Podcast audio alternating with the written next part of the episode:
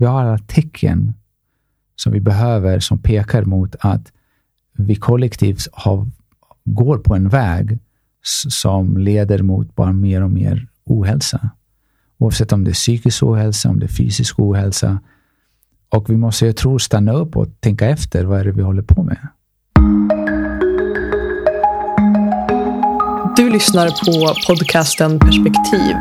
Intentionen med de här samtalen är att skapa ett samhälle av välmående och stärkta individer. Mitt namn är Madeleine Mofjärd och jag är här för att lyfta nya perspektiv. Veckans avsnitt så möter jag Dr. Diamantis för ett samtal om hur vi kan skapa hormonell harmoni i våra kroppar genom inre läkning och bearbetning av vårt förflutna och andra faktorer som Diamantis menar kan påverka våra hormoner. Ja, hur kommer det sig egentligen att nio av tio unga kvinnor mellan 17 till 24 år lider av just hormonella rubbningar? Diamantis är läkare inom kinesisk medicin och i det här samtalet så hör du oss dyka in i en värld av inre läkning med fokus på just hormonella obalanser. Och innan jag bjuder in Diamantis till det här samtalet så vill jag också påminna om onlinekursen som jag och Peter kör igång nästa tisdag på temat behov. För dig som längtar efter att bli bättre på att identifiera, lära känna och uttrycka dina egna behov i relationer. Och än så länge så har vi några få platser kvar och vi är så nyfikna på att träffa dig. Så under tre träffar i november så möts vi helt enkelt på Zoom för att tillsammans dyka in i just det här temat behov. Och all info och anmälan till den här kursen hittar du på goingdeeper.se behov. Nu mina vänner har det blivit dags att välkomna Diamantis till samtalet. Hej och välkommen Diamantis till podden Perspektiv. Tack så hemskt mycket. Det är en ära att vara här. Oh, men en ära att ha dig här. Det känns eh, så fint att vi äntligen sitter i det här rummet. Det har varit några vändor liksom för att få bokningen att verkligen så här, nu kör vi. Ja, exakt. och nu är vi här. Ja, och det känns som att det var perfekt till, tillfälle mm. att vara här idag. Ja. Mm. ja, men det är något fint i tilliten av att det är klart att det sker när det ska ske. liksom. Exakt. Mm, verkligen. Du är ju aktuell med den nya boken Hormonell harmoni, vilket jag tänker är ett ämne som, som jag jättegärna vill dyka in i och prata mer med dig om. Mm. Eh, och som jag tänker att ja, får bli någon typ av övergripande sådär, intention för vårt samtal, att dyka in i det ämnet. Um, och innan vi gör det skulle jag vilja checka in med dig såklart. Hur mår du idag? Hur mår ditt hjärta? Jag befinner mig på en jättebra plats, mm. verkligen. Um, jag var på min första semester, första gången på fyra år. Mm. Uh, jag tog en sen semester. Och vi var borta en månad ungefär. Totalt, jag kände hur hela min själ behövde det. Mm. Ah. Det, var, det var som balsam för själen. Ah. Så nej, men jag befinner mig på jättebra plats. Och uh, det är mycket på gång. Men det är positiv energi. Det är jättefint.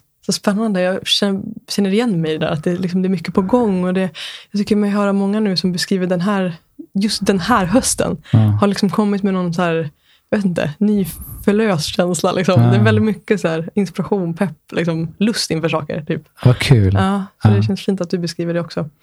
Jag tänker, jag har någon sån här längtan generellt i mitt liv av att också bjuda in det som gör oss alla till människor. Liksom. Mm. Vilket också kan vara det som kanske är utmanande för oss. Oavsett mm. om vi befinner oss på en plats som är, är positiv och härlig. Liksom. Mm. Så jag vill fråga dig också den frågan. Om det är så att det finns någonting i ditt liv just nu som känns utmanande. Som du vill dela förstås. Eh, som känns okej okay att dela med lyssnarna. Ja. Eh, det som varit mest utmanande för, för de som har läst min första bok Nyckeln till hälsa, där jag delar med mig om min hälsoresa. Det var att ungefär för lite mer än tre år sedan så jag var sängliggande för ett halvår, under ett halvår. Jag var väldigt sjuk och eh, ingen läkare kunde hitta vad det var. Till slut var jag tvungen att åka utomlands och då identifierades det borrelia, kronisk borrelia. Vilket är, i Sverige är det ingen diagnos. Internationellt sett så är det chronic Lyme, kallar man det för. Och då är det en rad olika typer av symptom som man kan uppleva. Och jag hade en A4 lång. Så från att vara elitidrottsman, basketspelare, till att inte kunna gå upp för trapporna. Min lever höll på att paja. Jag mådde jättedåligt. Så hela den resan som har varit en fysisk resa, men också en väldigt emotionell resa, Eh, det har varit en av mina största lärare faktiskt. Och jag är så tacksam för den, för att jag har kunnat komma till insikt hur jag ska hjälpa många andra. Just det. Uh, utmaningen är väl att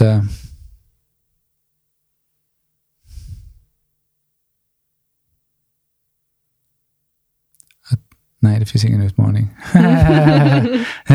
Utmaningen, det är väl någon form av resistance. Jag skulle säga stundtals, nej, jag är också över den frustrationen av att bli snabbare, bättre. Jag hittar tillit till kroppen och jag hittar tillit till, till livet. Just det. Ja. Och även tillit att även jag är vakad över, över något större. Så nej, jag befinner mig på en jättefin plats. Fint att höra. Ja. Jättefint. Vackert. Du beskriver det här att um, att den situationen där du var sjuk, du var sängliggande och så vidare, mm. har varit din största, eller en av dina största lärare liksom, i livet. Ja. Vad skulle du säga, kan du sätta fingret på vad som har varit liksom, den största lärdomen med just den situationen? Vad, vad har liksom det förändrat i ditt liv? Så? Det ledde mig till en plats där jag var tvungen att verkligen grotta i, i mina emotionella trauman och i mitt dysfunktionella uppväxt och befria mig själv från mina egna misstolkningar om mig själv. På så sätt också uppleva självkärlek. Fint. Ja. Wow. Jag tänker eh, innan vi tryckte på play här så var vi redan inne på att prata om det här vikten av att liksom läka sin historia också. För ja. att läka, alltså att läka inifrån för att läka det fysiska. Och jag tänker att det är någonting verkligen som jag vill vill dyka in i ännu djupare med det också. Och vad mm. du, hur du ser på det liksom, och hur vi kan, kan göra det på riktigt. absolut. Um, och jag tänker för dem, nu är ju du en profil som har liksom syns i mycket poddar och de flesta kanske redan känner till dig. Liksom. Ja. Och jag blir samtidigt nyfiken på att höra om du skulle få beskriva dig själv, alltså Diamantis som sitter här, oavsett om du väljer att beskriva dig utifrån liksom, din arbetsroll eller din papparoll eller vad det nu må vara. Hur skulle du beskriva dig själv med tre ord nu visar jag två fingrar, men jag menar tre fingrar, tre ord. Eh, och, eh, och varför. Alltså varför de orden du väljer. Mm.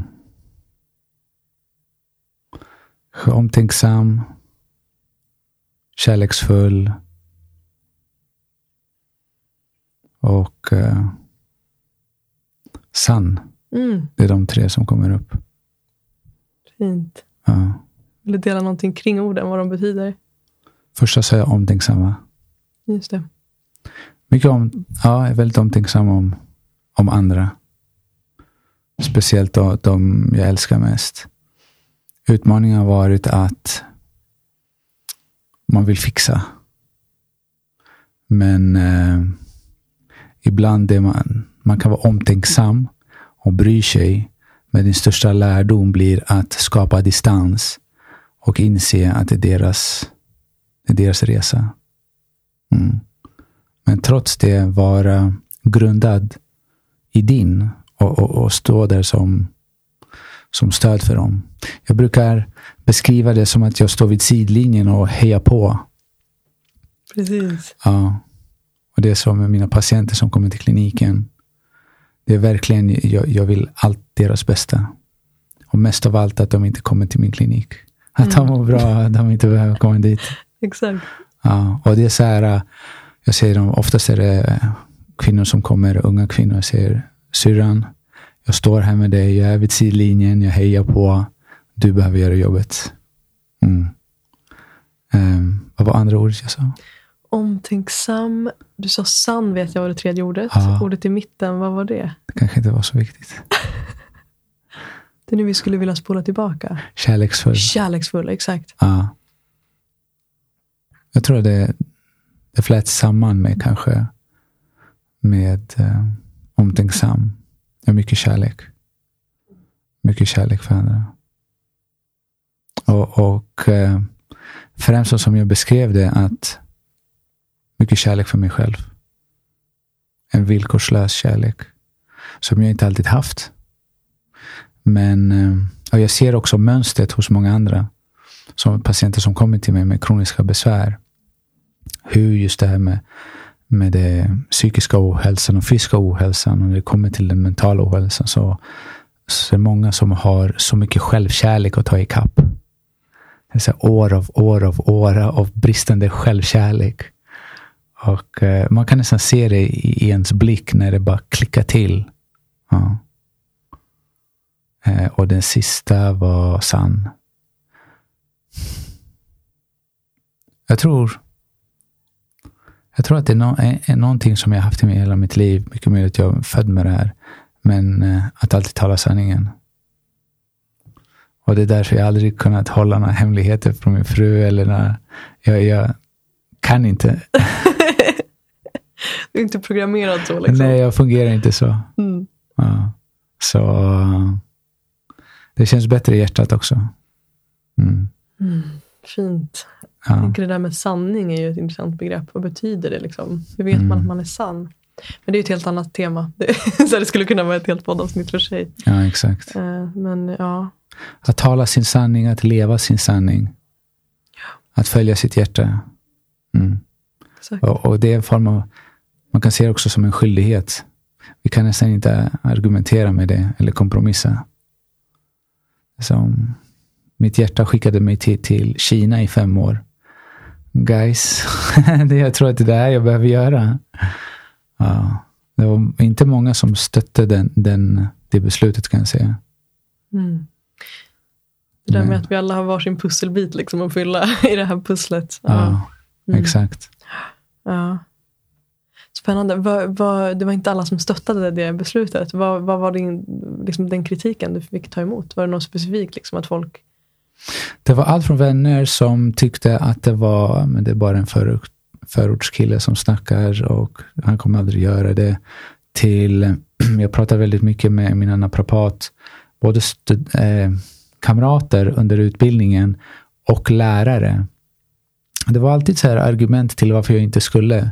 Fram tills att jag träffade en av eh, lärarna på kliniken. Och, och han tittade på mig med en sån djup blick. Och, och han sa, Jonas heter han, fantastisk naprapat. Är på, jag tror att det är Nordiska Crossfit-gymmet, faktiskt lite längre ner härifrån. Eh, och han sa, det är självklart du ska göra det.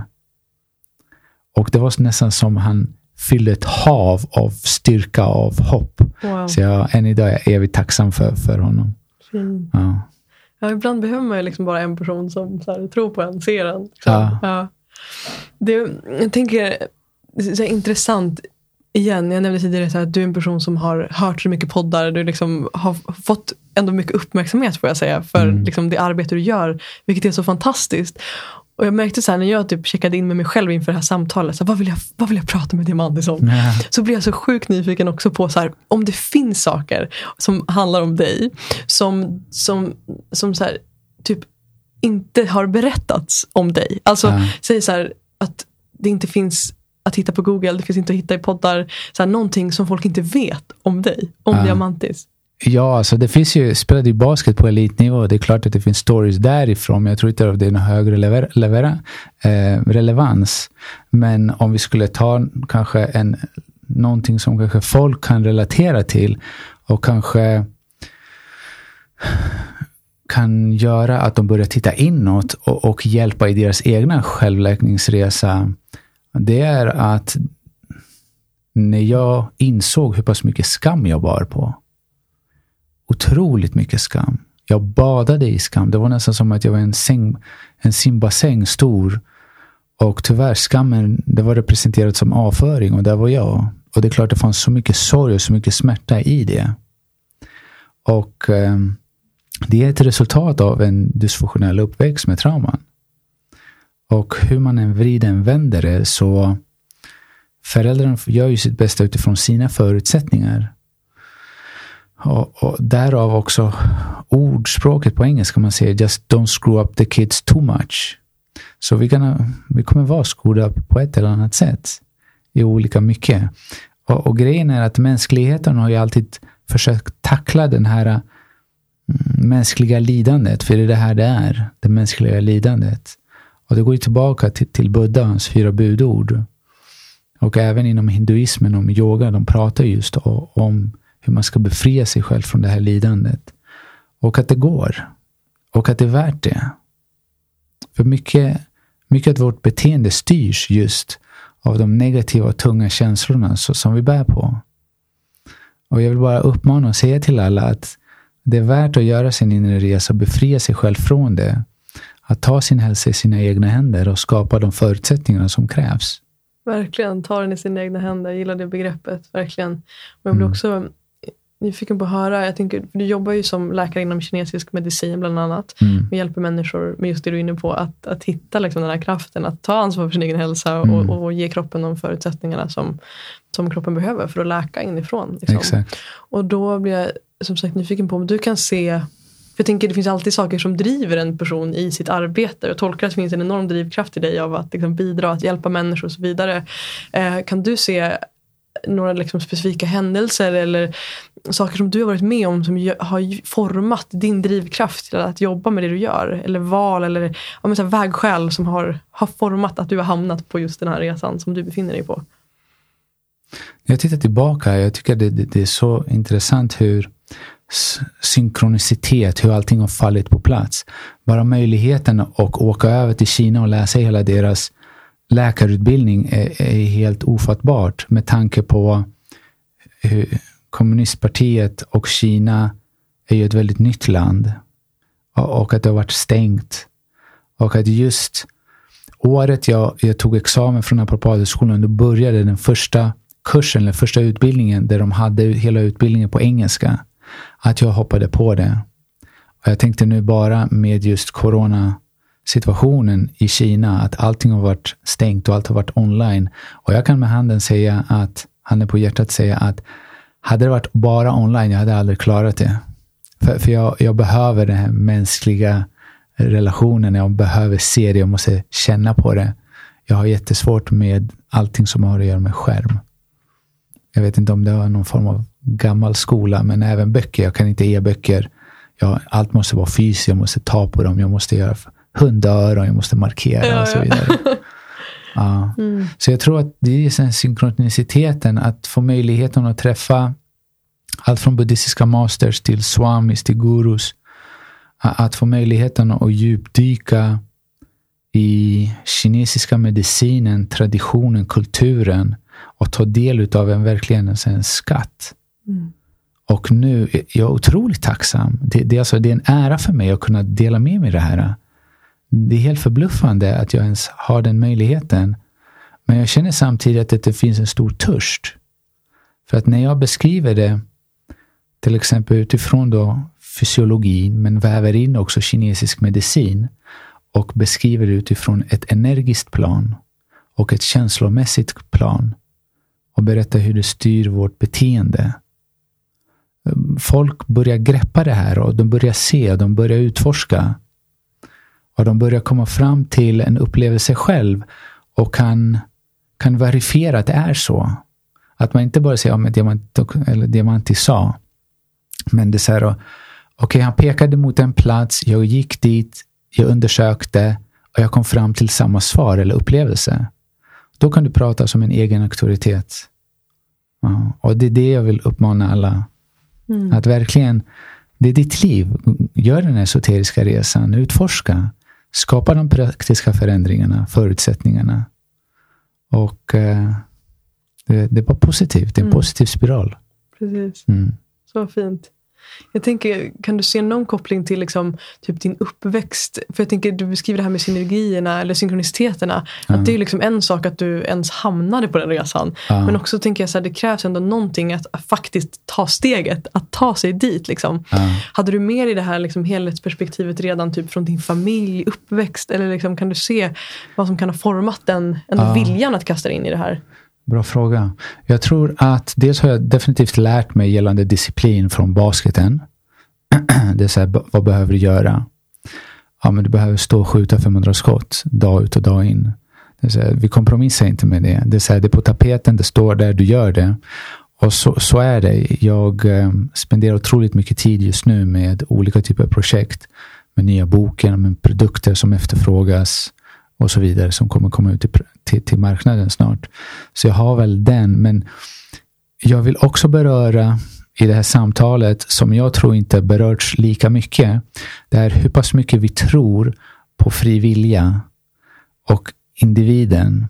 Vad jag ser, och det är, jag kan se mig själv, men jag kan se också eh, mina patienter, att vi kan inte rå för och, och göra som vi gör. Så, så länge vi följer vår sanning, vilket betyder någonting som är medfött, vi kan inte ofta styra det. Eh, och att vi litar på, på, på den här kraften och det här som vägleder oss. Det blir på något sätt att vi flyter med livet istället för att försöka hitta vägen, vilket inte alltid är vägen. Och ett bra ett exempel jag, som, som jag är väldigt fascinerad över när jag, när jag hörde det är till exempel bågskytte. Så när folk, så de har kommit på att vid bågskytte, ifall du då ska skjuta den här pilen och försöka träffa då mittpunkten på den här tavlan. Om du släpper då den här strängen genom att intellektuellt bestämma när du ska göra det, så blir det inte lika perfekt. Den kommer alltså inte lika precis i mitten som om du har en liten armatur som du håller i, vilket släpper den eh, lite oförutsägbart. Så den här spänns upp och det är någon form av klickmekanism som släpper då när, du, när trycket ökar. Vilket för mig, jag drar parallellen att när det sker spontant av sig själv, när det är menat, saker och ting hamnar mer i mitten och precis än ifall du skulle intellektuellt försöka göra det. det. Och då kan vi dra paralleller med att jag ska hitta min sanning. Jag ska förbättra mig själv. Det här jaget som ska göra alla de här grejerna, vilket väldigt ofta inte blir bra. Och till slut så kommer man till den här smärtsamma men väldigt nödvändiga sanningen att släpp taget. Släpp kontrollen. Liksom. Släpp kontrollen. Och oftast, jag, jag har förändrat den terminologin istället för släppa. Jag säger låt det falla av genom det psykologiska avslappning. För att även att släppa en form av aktiv fas som jag gör. Men att låta falla av är någonting mer passivt som sker som en konsekvens av en inre psykologisk avslappning. Typ let go på engelska, eller? Kan man dra den parallellen? Liksom? Ja, Eh, på engelska, jag vet inte om det är let go, om det är en aktiv. Men just att mm. låt det falla av, det är inte ens ditt att hålla kvar. Mm. Mm. Fint. För att det, det kommer ske när det behöver ske i din psykolog. Att låta det falla av. Att släppa det, ska jag släppa nu eller nu? Nu? Imorgon? Idag? Imorgon? När ska jag släppa? Medan låt det falla av, det är att jag fokuserar bara på min inre psykologiska avslappning. Vilket innebär att genom att stanna som betraktaren, medvetandet, då kommer också allt som inte du falla av. Parallellen till exempel med hinduismen och yoga, vi har, de har så många olika gudar, men i alla fall Shiva är en av dem. Och det är the goddess of destruction. Om man säger throw everything into the fire of Shiva and everything which you are not will burn. Och at the end you rise as a phoenix. Mm. Ja, bam. så fint. Jag tänker för att, för att dyka in liksom ännu mer i de här ämnena som rör just den kinesiska medicinen och liksom den läran. Så, mm. så tänker jag att det finns säkert många som lyssnar som inte har varit i kontakt med kinesisk medicin innan. Det är ett helt ja. nytt begrepp och så vidare. Jag tänker, vill du dra kort, liksom, om man, jag vet inte egentligen vad frågan är, men liksom, vad är några saker du tänker att vi behöver förstå om kinesisk medicin för att kunna dyka in i vårt samtal. Jättebra. Liksom. jättebra. Mm. Så först och främst, kinesisk medicin är en medicinsk modell bland många modeller. Så ayurvedisk medicin är en typ av modell. Västerländsk medicin som egentligen heter allopatisk medicin är en modell. Homeopatisk och så vidare. Det är som man säger att det finns olika typer av religioner. Alla försöker nå toppen av berget, men från olika vägar. Om, ja, terrängen och miljön är helt annorlunda norrsidan, södersidan, öster, väster och så vidare. Eh, och det här är en typ av medicinsk lära som utvecklades under årtusenden. Man brukar säga att den är 5000 år gammal. Så vad människor gjorde då är att de började observera då den yttre naturen och började se samband med den inre naturen.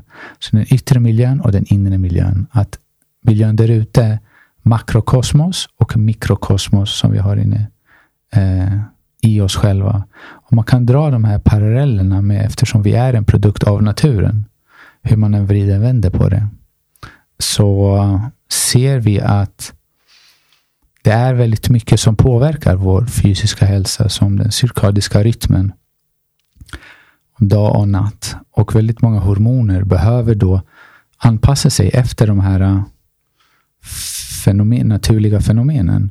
Eh, genom då beprövad erfarenhet och genom att börja använda sig av olika metaforer.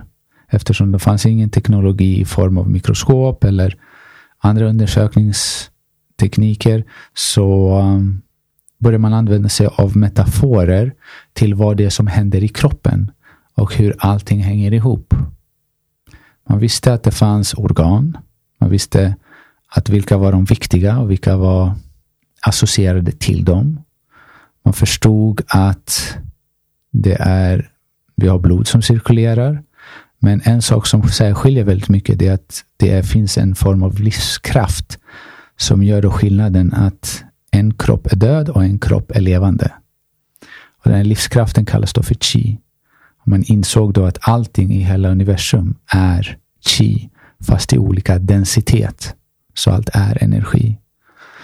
Men när det kommer till kroppen så finns det också, kan man bryta ner det till olika typer av chi eller energi. Vi har en energi som är väldigt ytlig, vi har en energi som är djupare, vi har en energi som håller sig mer i buken och så vidare. Om man förstår hur de olika organen är också kopplade till de energin. Så till exempel att magen är den, det organet som producerar energi. Eh, vi har njurarna som vi säger och tillsammans med binjurarna hela endokrina hormonella systemet en form av roten till energi. Så sakta men säkert så utvecklade de olika typer av koncept som inkluderar kroppens alla fysiologiska funktioner. I det är också invävt, inte psykologi, men det psykologiska tänket och hur känslor påverkar olika organ och vad det är som händer. Om man säger att den här chi kan stagnera. Och den stagnerar på grund av att vårt sinne stagnerar i det förflutna. Och vad händer då? Ja, det är känslor av stress, irritation, frustration. Hur är stress kopplat till magen? Hur är stress kopplat till de gynekologiska besvären? Och ifall man inte tar tag i det och verkligen skapar förutsättningar för det ska läka, hur kan det sedan påverka en graviditet?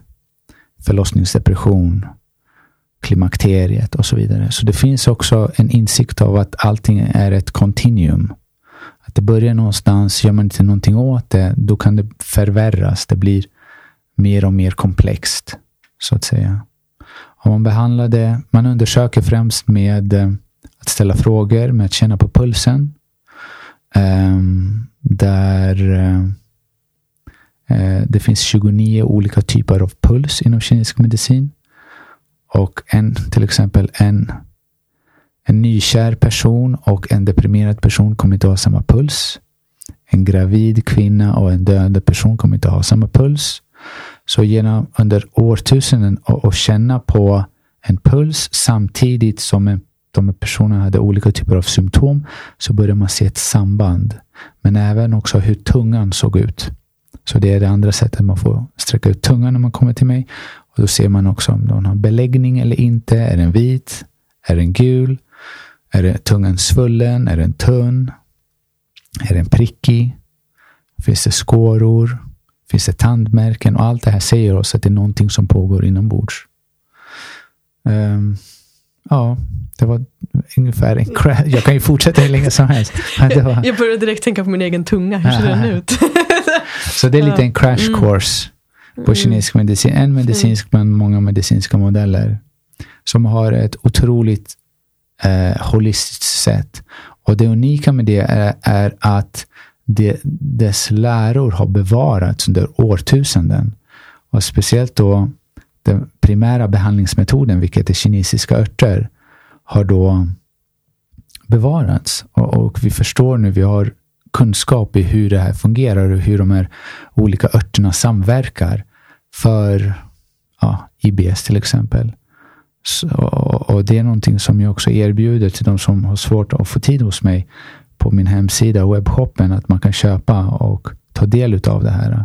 Och då är det, jag tror det är 14 olika örter som det är ett urgammalt recept som har funkat hur bra som helst. Mm, ja. Kan du se någon koppling liksom i ditt liv innan, om man ser liksom innan du fick ta del av den här kunskapen mm. inom just kinesisk medicin och den liksom läran. Ja. Kan du se liksom, i relation till dig själv att det finns som ett före och ett efter? Alltså så att diamantis innan, diamantis nu. Ja, så är det. Men det finns också en diamantis efter studierna. Ja. Det finns en diamantis efter sjukdom. Så det finns en, någonting som är statiskt. Den här känslan av att jag existerar.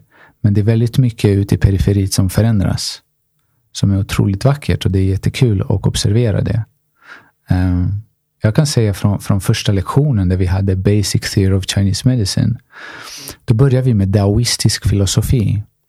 Och daoismen är en religion eller så är det också en filosofi beroende på hur man ser på det. Till exempel som buddhismen.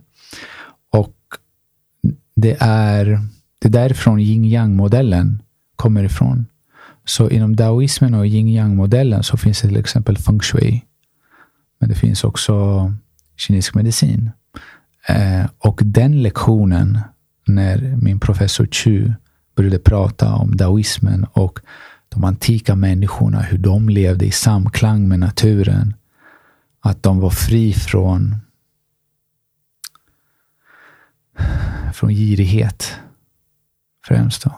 Och det psykologiska lidandet, det psykologiska blivandet av att vara någon och prestera. Det, det, bara, det kändes som att jag satt och det var bara en, en tunnel mellan mig och henne och allt annat försvann. Det var så intensivt. Och det var nästan som att jag fick existentiella svar på frågor jag hade hela mitt liv. Och eh, jag ville bara veta mer, så jag bara, bara andades böcker från den ena boken till den andra. Och eh, jag, jag, insåg att jag behövde bara komma till den här miljön och platsen och kunna ta del av den här visdomen. För jag relaterade till den så starkt. Trots att jag är en helt annan världsdel med annan kultur och annan bakgrund och så vidare. Men det var någonting inom mig som verkligen tilltalade mig. Så eh, jag tror att jag fick möjligheten att kunna utforska det området. Mm. Du beskrev att du fick liksom svar på frågor som du har haft hela ditt liv. Kan du, sitta, liksom, kan du minnas vilken typ av frågor det var du hade ställt dig själv tidigare som blev tydligt i och med daoismen? Ja, ah, bra fråga. Um, jag, jag vill säga att jag var lite underligt barn när jag var liten. Jag ställde sig, jag funderade väldigt mycket. Väldigt observant av mig. Men de här existentiella frågorna, så här, vad gör vi här? Hur fungerar, hur fungerar alltihopa? Jag minns som liten, vi hade någon så illustrerad vetenskapsbok. Och jag tyckte om att öppna och titta på kretsloppet. Hur allting bara, allt bara hängde samman. Du vet, man hade en liten sjö längst ner på, på, på kartan. Och så var det ånga och det blev sen till moln och så var det ett berg och så då regnade det ner och så blev det en flod och det var det någon anka och så vidare. Det, jag älskade det. Så att förstå den här för kinesisk medicin och Dao pratar väldigt mycket om cirklar och Dao är ju symbolen är en cirkel. Och det är den här äh, den energin som inte går att förinta. Det, det finns ingen, det är ingen som föds, det är ingen som dör. Allt bara går i cirklar. Och det är så lustigt för man kan ta paralleller mellan ayurveda och kinesisk medicin. Där yoga till exempel, inom ayurveda, den träningsformen, är väldigt mycket linjer. Att man ska ha raka linjer och, och man ska ha stabilitet och så vidare. Medan tai chi inom kinesisk medicin det har mer att göra med cirklar. Man gör cirklar med armarna. Man står med benen lite som en cirkel. Och man försöker få in en cirkel i en cirkel, nästan man är obsessed med cirklar och det allt ska bara snurra. det. ska vara cirklar överallt, vilket är väldigt lustigt. Men jag kan nog säga att just med Dao, det är den här äh, insikterna om om periferit och dualismen, vilket vårt sinne skapar. Dag, natt, höger, vänster, rätt, fel, varmt, kallt, svart, vitt och så vidare. Men att det finns en mer fundamental verklighet, vilket är bortom det som sinnet tolkar som två olika. Det väl att, att få insikt att den existerade. Och det var nästan som lite mindblowing. Det var wow. Mm. Ja. Det finns något bortom det där. Det finns något bortom det där. Och jag tror också att eftersom det var oroligt hemma och hel, så, så jag längtade tillbaka till en plats av frihet. Jag ville bara vara fri. Och det har varit en intention jag har haft med mig faktiskt väldigt länge. Jag har varit fri. Fri från mina egna begränsningar. Fri från konflikt. Inte, inte från utmaningar, men från en psykologisk konflikt. Konflikt. Misstolkningar av mig. Mm. Mm. Fint. Mm. Fri från skam, fri från skuld, fri från frustration, från dömandet. Mm. Att döma mig själv, att kritisera mig själv och så vidare. Tror du det är en plats som är möjlig liksom, att vara helt fri från det? Är din, har du en, en tro om att det, är, att det är nåbart att komma till frihet från, från den här inre konflikten du beskriver av liksom skam, skuld? Mm. Eller kommer det alltid finnas någon uns av det i liksom den mänskliga upplevelsen? Jag tror att det är fullt möjligt. Jag är helt övertygad om det. Jag tror att skuld att, och skam, som jag beskriver i boken, det finns en liten positiv effekt med det. Att skuldsätta eller utsätta barnet för skam. För eh, det finns en önskan av barnet att bättra sitt beteende. Så när man utsätter barnet för det eh, och ser ett förbättrat beteende, att man sedan, skulle jag fortsätta skuldsätta eller skamsätta min dotter, oavsett vad hon försöker göra, till slut kommer hon tolka att det har ingenting att göra med min handling. Det har att göra med mig. Så det är inte fel på vad jag gör, det är fel att jag gör det. Och, och jag tror det har... Äh, det finns ju i vårt spektrum av medvetandet men jag tror att det är också vägen till, till, ett högre, till en högre uppvakning. Till exempel, det psykologiska lidandet är det verktygen som tar oss genom födelsekanalen till ett högre medvetande. Och att vi sitter här idag och att vi ställer de här frågorna och vi pratar om det och att vi är på våra parallella resor tror jag också är ett resultat av att medvetet, kollektiva medvetandet i sig organiserar sig och blir mer komplext med tiden. Så som materia och det fysiska gör. Det började ju allting med encelliga organismer till att bli mer och mer komplext till människan som är väldigt komplex. Uh, eh, och jag tror att medvetandet gör samma sak parallellt. Um, sen så är det väldigt intressant att se längre fram. Vad, vad kommer det bli av den här mänskligheten till slut? Uh. Men jag är väldigt optimistisk. Mm. Ja, men det är en jätteintressant fråga. För att jag, jag vet att du, jag tror att du har sagt i någon intervju också det här med att vi människor kan liksom agera eller hand, handla, göra saker utifrån fyra olika eh, platser också. Alltså, mm. tycker mig minnas att det var kärlek, rädsla, skam och den sista, vilken Plikt. är det? Plikt, ja precis. Ja. Och jag tänker att Ja, att det skulle gå att se det som något negativt fast också som du beskriver, det finns också någon kraft i det där att, Mm. att så här, om skam är vår drivkraft från, alltså bort från någonting så kanske det också leder oss till, till någon plats där vi va- vill vara på. Och samtidigt så märker jag att i mitt liv personligen så försöker jag väl ändå ha någon intention om att göra saker mer utifrån kärlek än, än rädsla. Eller att Mm. skamma mig själv till saker. Liksom. Att det, Mm. det är en drivkraft som, som känns mer ohälsosam för mig personligen. Liksom. Mm. Så det är en extremt intressant fråga i alla fall. Mm. Eh, att ställa sig liksom. Vad är möjligt liksom?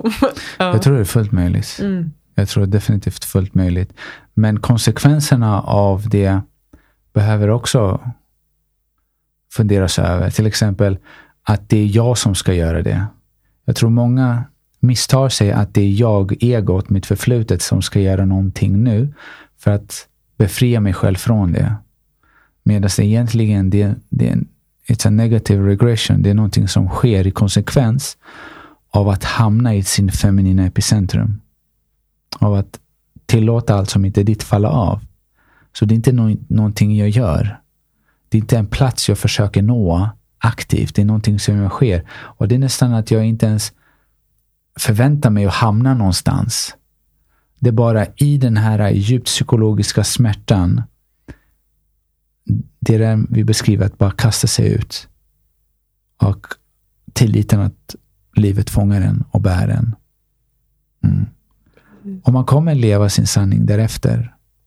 Och det är just det att jag inte kan forma och skapa min sanning som att jag kan i alla fall berätta från mitt perspektiv och hur jag upplever det är att när jag var i Kina så var det inte så att jag ska göra en karriär på det här. Jag trodde först och främst att jag skulle jobba mer som naprapat och använda mig av akupunktur när det fanns muskelknutar och så vidare. Men det blev jag aldrig, det blev absolut inte som jag hade föreställt mig det. Det är mera att eh, jag var främst med kinesiska örter, kompletterade med akupunktur och nu väldigt mycket gällande det esoteriska. För jag ser själv vad, vad är det som händer och hur det har påverkat mig och hur det påverkar många andra. Jag hade aldrig tänkt att jag skulle ha ett Instagramkonto. Jag blev övertalad om att skaffa ett. Eh, att starta en egen podd. Det var också från en patient till den andra som sa att ja, men du borde starta en, en podd. Samma sak med boken. Första boken. Det sa ja, men du borde skriva en bok. Och det var så ja, smickra. Ja, tack så mycket. Jättefint att du känner så. Och sen till slut, ja, jag antar väl att jag behöver göra det. Men det var, det har aldrig känts som att ett, ett måste för mig. Det var en kul grej. Och det är klart, det finns doubts. Jag tror att det är en del av det. Men det finns uh, otroligt mycket glädje i att göra det och, och tillit. Mm. Att vi får se mm. vart det här tar vägen. Precis. Mm. Vi har ett ordspråk från förorten. Jag är från Tensta-Rinkeby. Och vi säger lallish. Mm. Och lallish kommer från att lalla. Det är den här lekfullheten som jag känner att jag en gång i tiden hade tappat bort. Jag tror väldigt många har tappat bort. Den lekfullheten till livet. Mm. Det är så här, gör det 100 procent, gör det bästa du kan. Samtidigt identifiera dig själv inte med det. Skapa distans till den och se vad som händer. Precis. Ja. Häng med lite mer. mer liksom. Exakt. Jag, jag, brukar beskriva det själv som att jag vill låta livet leda mig liksom, och se vart jag hamnar. Det blir så mycket mer spännande också. Visst blir det. Här, åka med på den här resan och se så här, fan. Men sen är det också intressant för det är också fint, jag upplever det är fint att ha liksom ändå någon typ av så här, riktning. Typ, men det där skulle vara nice att uppleva. Det där är ändå någon typ av intention jag har. Liksom. En riktning, fast också att så här, riktningen kan förändras och att det finns något fint i att så här, ja. Ja, det är lite som en dans. Alla de här vågorna, alla de här vägarna som föds och skapas. Och liksom, ja. Exakt. Mm. Så uh, var öppen lite. Mm. Lallish. Lite lallish. lite, lite lallish i livet. Jag tänker med det, med det sagt så skulle jag vilja dyka in lite med dig på temat just eh, hormonell harmoni och hur vi kan skapa det. Um, utifrån boken som nu alldeles snart kommer att uh, släppas, som du är aktuell med. Um, och jag vet att nu har inte jag kunnat läsa boken. Mm. Däremot så vet jag att du skriver i en liksom, beskrivning av boken. Eh, du beskriver en mening av att vi lever i en epidemi av hormonella obalanser med symptom som leder till olika diagnoser hos unga kvinnor. Jag blir nyfiken på vad du tänker kring det. Alltså dels här vad det betyder för dig när du säger de orden och också vad du tror att det här har, liksom, inte vad det har lett till, men, men hur har det blivit? Hur har, vi, hur mm. har vi hamnat på den här platsen där unga kvinnor mår som vi gör, liksom, kopplat ja. till de här hormonella obalanserna? Ja. Um, först och främst så, enligt en svensk studie, nio, nio utav tio eh, unga kvinnor mellan 17 och 24 lider av hormonella rubbningar. Nio utav tio. Vilket är en astronomisk siffra. Så jag befarar att vi har normaliserat det onaturliga. Bara för att alla har det betyder inte att det är naturligt. Eh, jag är jätteglad för de verktygen som finns där, där kvinnor och unga kvinnor kan ta del av. Att, eh, som smärtlindring, min fru, när vi träffades var en av dem som hade väldigt allvarliga menstruationssmärtor, så jag är väldigt tacksam för smärtstillande. Men vi behöver också börja belysa de här unga flickorna och kvinnorna att det finns någonting man kan göra. Och i boken så börjar jag med eh, just att även beröra vad är det som skapar obalans in the first place. Så vad är det som gör att, vad berövar den här balansen och harmonin? Och eh, den här obalansen skulle jag bara, om jag skulle bara destillera ner den och koncentrera den bara på två rader skulle jag säga att det är ett resultat av en dysfunktionell uppväxt som har blivit vårt dysfunktionella samhälle idag.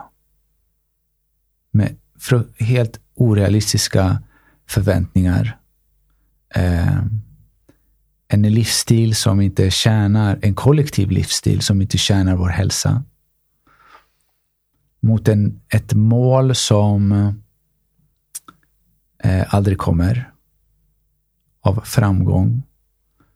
Eh, och det har ju lett till att kvinnor som är mer jordad i den feminina energin på grund av gynekologin och hormonerna också man upplever den här obalansen tydligare.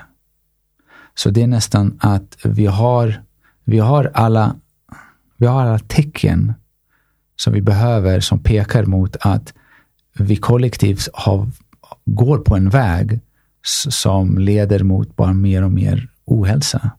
Oavsett om det är psykisk ohälsa, om det är fysisk ohälsa. Och vi måste, jag tror, stanna upp och tänka efter. Vad är det vi håller på med? Uh, tyvärr så tror jag att en, industrin rider på den här vågen av känslan av otillräcklighet och vidare missleder och missvisar de här unga kvinnorna mot en riktning där det inte finns någon plats av balans eller harmoni. Men eh, nästan tvärtom. De förstärker Eh. de förstärker känslan av isolering, individen och, och förstärker känslan av det är då de blir konsumenter helt enkelt. För man tror att genom att konsumera det här, det är så jag kommer vara unik. Oavsett om det är kläder, om jag konsumerar data, eh, Netflix-serier. Och det är också verktyg eller snuttefiltar som, som lättar på det emotionella trycket.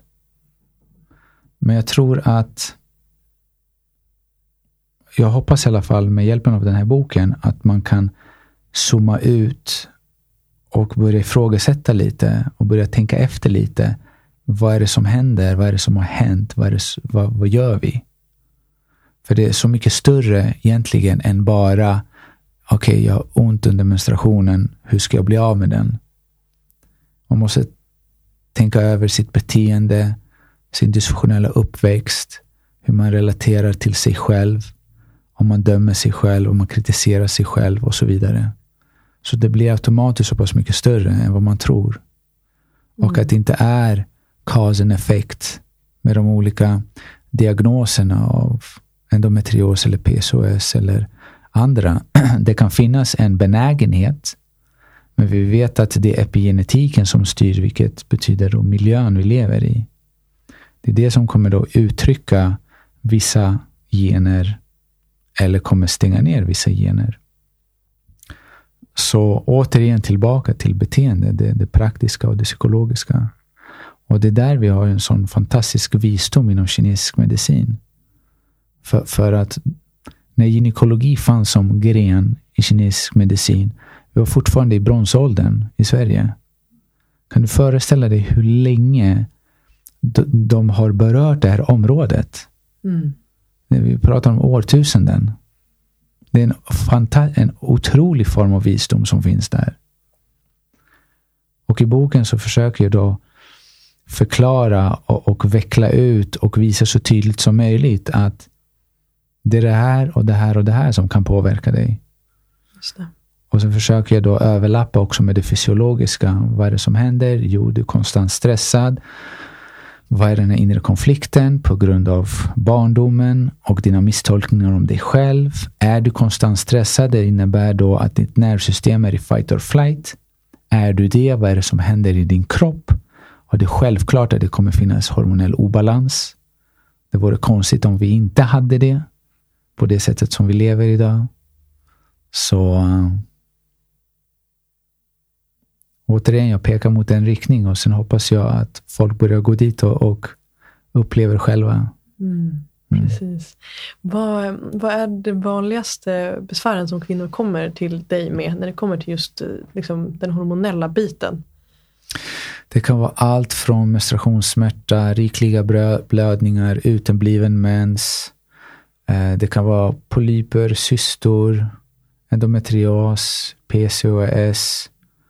Det kan vara infertilitet, eh, återkommande missfall. Det kan vara förlossningsdepression. Det kan vara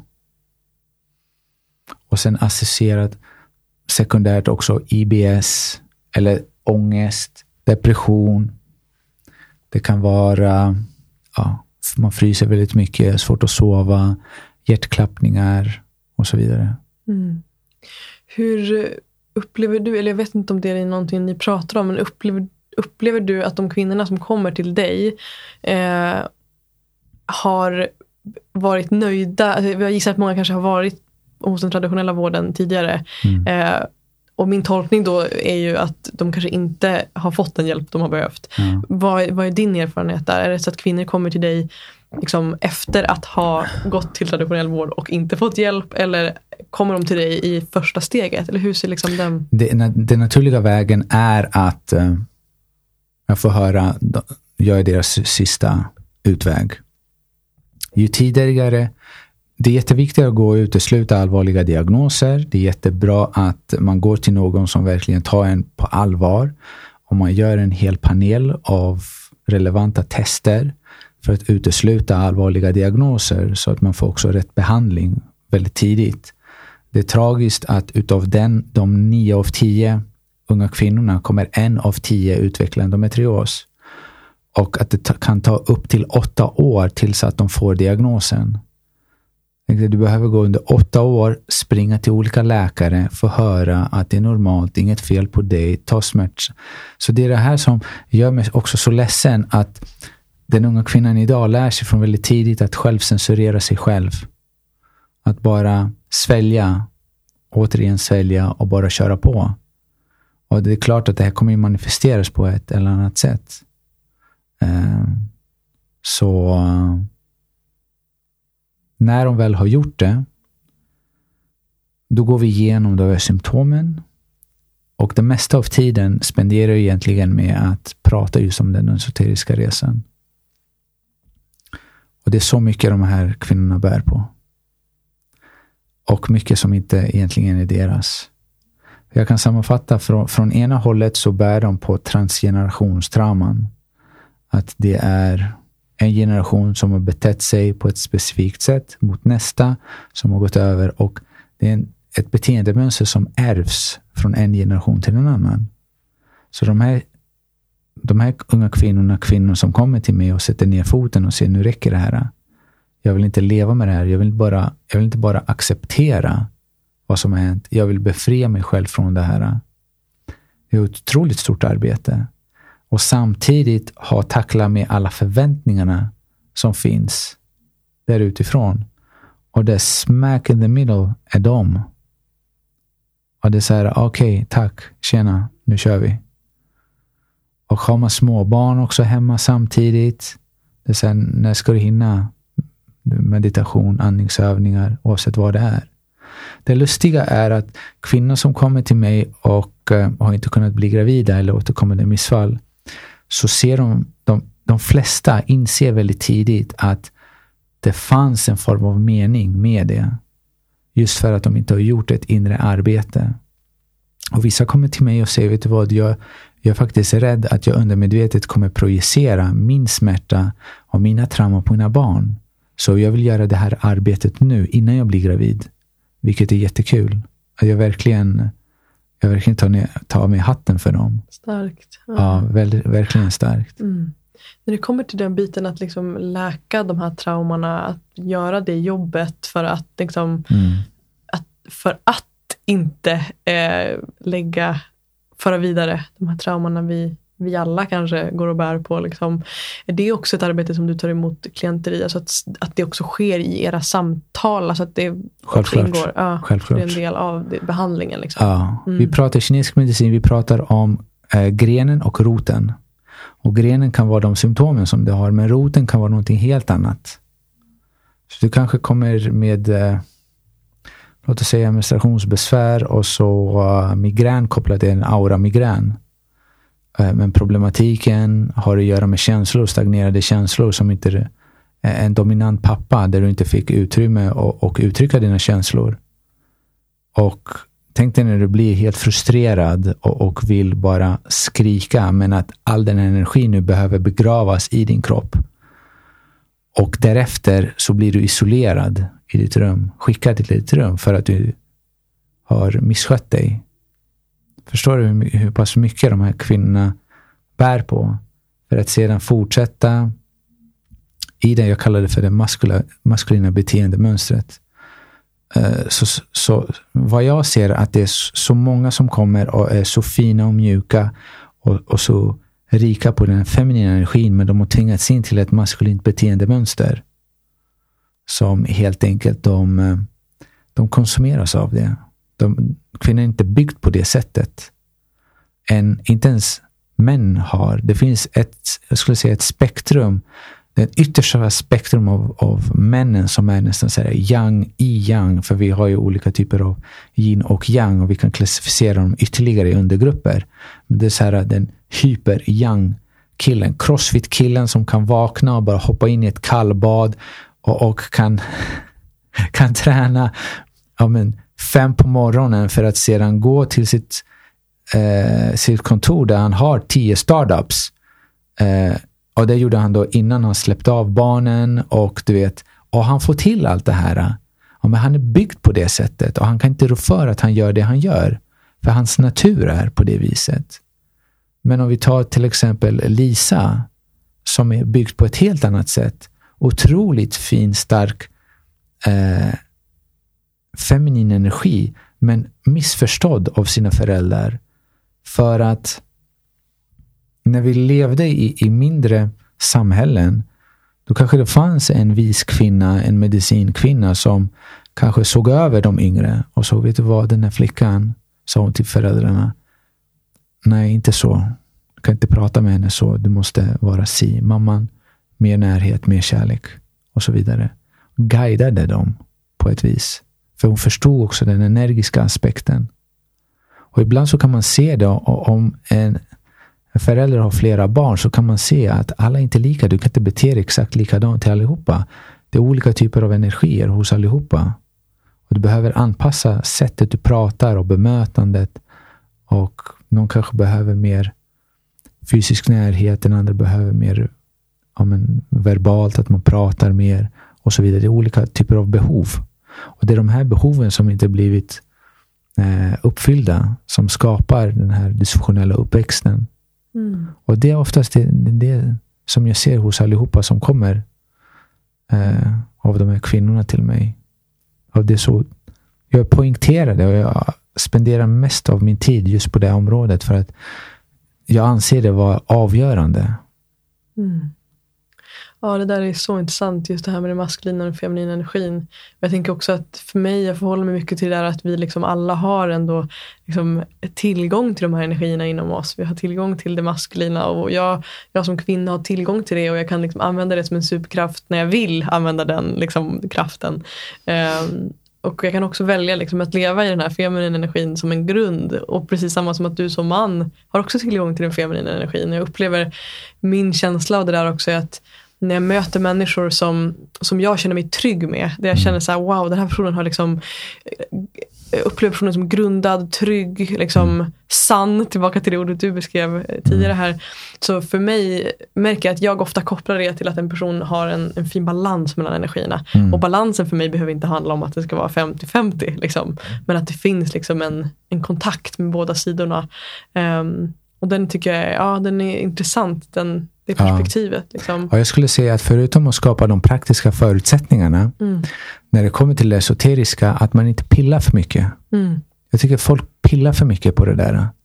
Låt det vara i fred. Det måste, och att det kommer från någon form av djupare tillit till, till att, eh, att livet kommer bära dig och att det kommer visa dig och kommer ta dig till platser du, där du behöver eh, få dina insikter någonstans.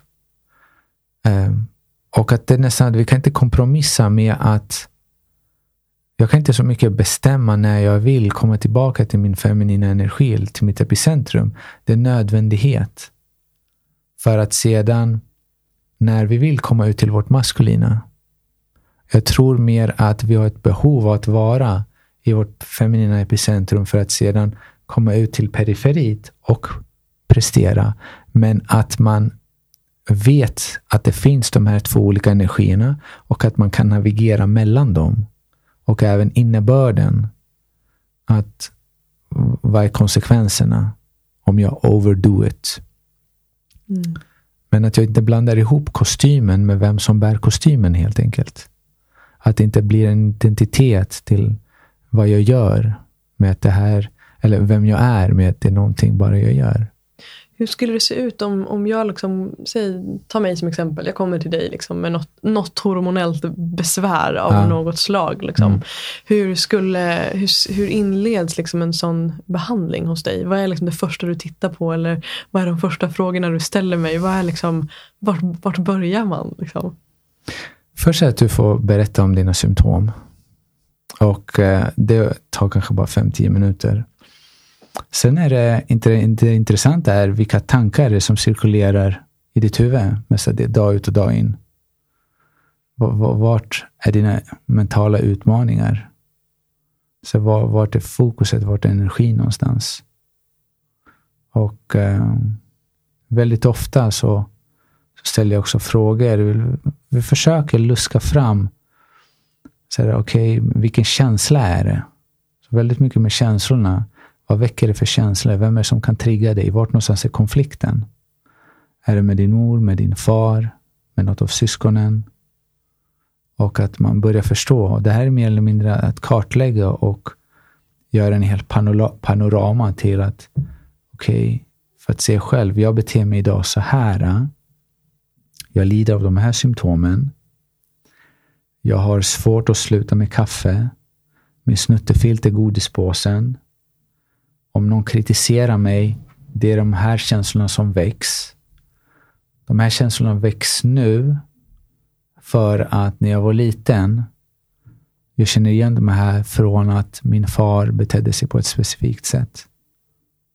Och så vidare. Så att man, man börjar göra det tydligt för sig själv vad är det som styr ens beteende. Och det är de här djupt rotade negativa känslorna väldigt ofta vi försöker springa ifrån. Men se dem som mer som en vis budbärare. Så, som eh, är bara där och lära dig någonting. Pekar mot en plats du behöver titta på. Mm. Och det säger, gör vi inte det, de kommer komma tillbaka starkare och starkare och starkare. I, i, I början så börjar ju kroppen med att viska. Säga, diamantis. Ja, och jag ignorerar och säger, diamantis. till slut så skriker den. Den vill bara ha uppmärksamheten. Ångest, tryck över bröstet, klumpkänsla i halsen, darrningar, skakningar och så vidare. Mm. Och eh, ja, jag har full förståelse att det kan vara utmanande för vissa. Verkligen. Men eh, ifall man bara har önskan att vi fri, vara fri från det här behöver också vara större än rädslan för konsekvenserna av att möta det. Mm. Mm. Upplever du att det är många som kommer till dig som bär på en tro? Och nu är jag lite inne på det här spåret av, du pratar om epigenetik. Jag tänker om du upplever att det är många som kommer till dig som har en tro Um, som du kan se leder till deras problem. Alltså till exempel så här, ja, men alla kvinnor i min historia har haft PMS-problem. Mm. Eh, och sen så sitter då liksom, den här kvinnan framför dig som också har det. Mm. Kan du se att det finns sådana kopplingar också mellan vad vi faktiskt väljer att tro på? Alltså, det här ligger i mina gener, nu måste jag också ha PMS-besvär. Mm. Ehm, hur Men- ser du på det? Och vill du berätta lite mer om just det här med epigenetik? Ja, just det. Eh, låt ingens åsikt bli din verklighet. Eh, och ofta är det så att någon säger att det här får du leva med. Det är så det är. Det är ingenting vi kan göra åt. Ja, vi vet statistiskt sett det är så här många som, men det svarar inte varför. Det kan säga, ja men det är inflammatoriska markörer, det är obalans östrogen, progesteron, det är otillräcklig, det finns ingen ägglossning eller vad det är. Men det säger inte varför. Och min, genom min resa, så länge inte någon kunde berätta för mig varför, då tackade jag så mycket. Och då gick jag därifrån. Mm. Ja. För, för att jag kan inte förvänta mig heller, ifall någon inte vet, ska jag gå tillbaka och ställa samma fråga? Man sa ju att du inte vet. Okej, tack. Varför ska jag komma tillbaka till dig om inte du vet? Sen, när det kommer till vården, det är klart det är bra att gå dit och göra vissa tester. Jag själv går och gör blodprover för att se vissa markörer. Men eh, därefter börja göra din inre resa. Det vill säga, vad kan du göra? Så innan du börjar fixa det praktiska och det psykologiska, så mm, det är det här som jag försöker få alla som kommer till mig. Jag, säger, jag är glad att du är här, men jag vill inte ha dig här. Ja. Säger, Mm.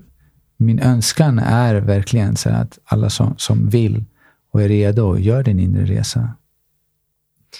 Jag tänker det här kopplat då till epigenetik. Vill du dela lite kring det? Alltså dina perspektiv på epigenetik och hur vi kanske inte faktiskt behöver vara längre ett liksom, offer eh, för vår historia.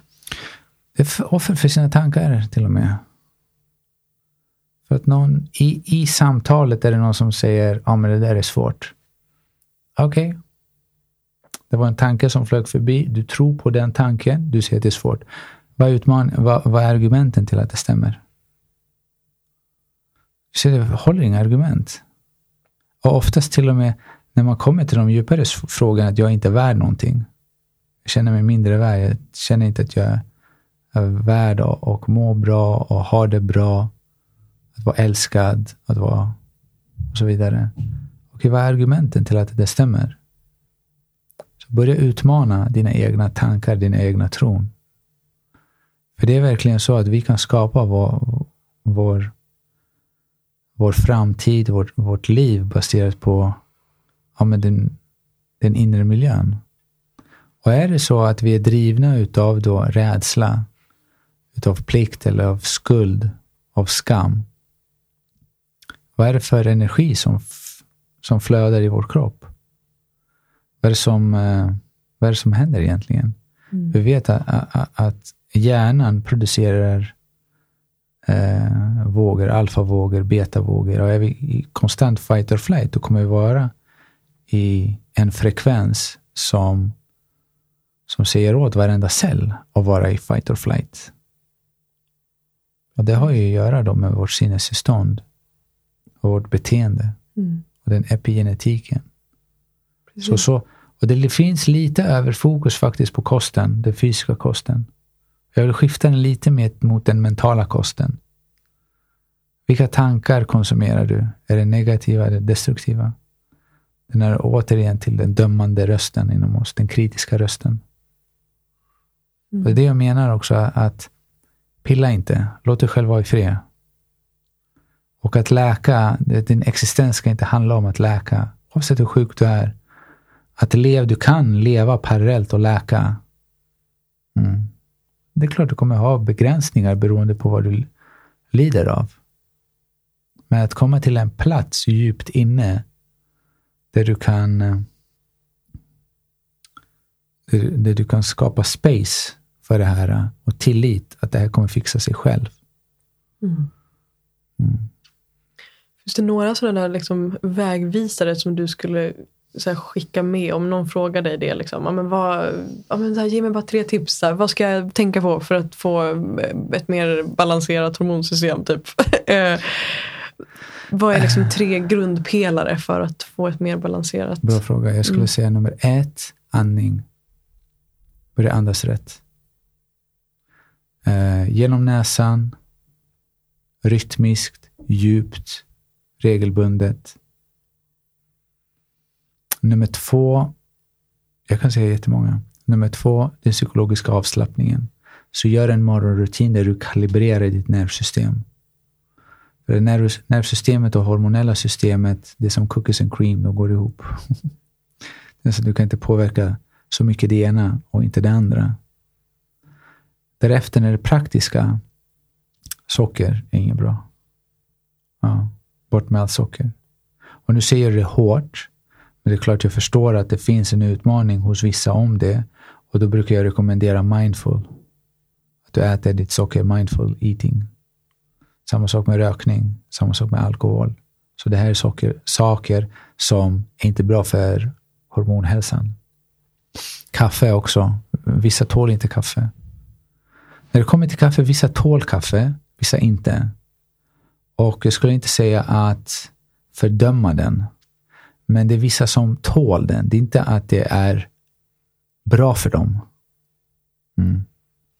Och det är en stor skillnad från att det är någonting som är bra. Eh, därefter motion. 45 minuter, pulshöjande tre gånger i veckan. Sen kan vi komma in till tillskott. Det finns många tillskott som är bra för hormonhälsan.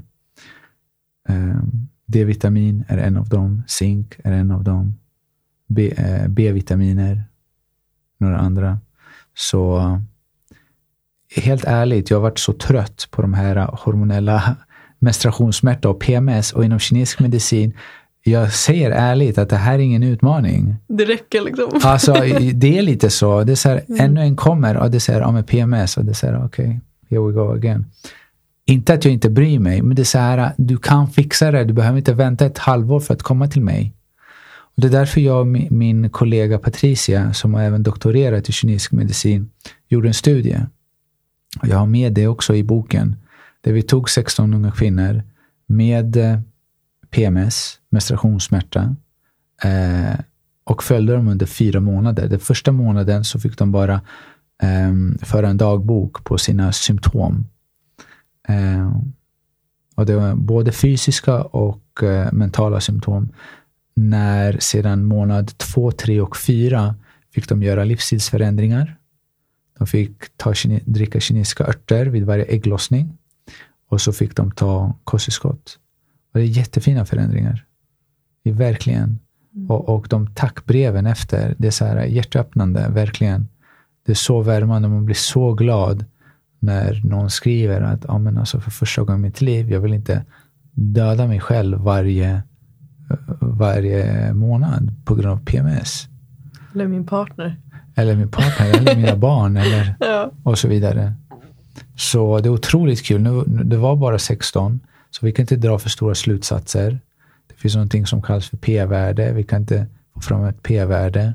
Men min förhoppning är också att vi kan göra så mycket större studier, men då behövs det större aktörer som kommer in och hjälper till.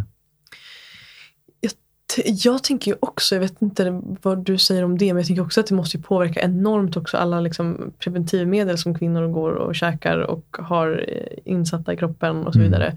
Där har jag gjort en enorm resa också i min kropp där jag under liksom många år har haft en, hade en hormonell en hormonspiral mm. eh, som för mig på många sätt, på tal om maskulin och feminin energi, liksom typ mitt nervsystem eh, blev extremt liksom linjärt. Alltså det dödade mm. ju min menscykel och mm. det fick mig att tappa ganska mycket kontakt med min feminina energi.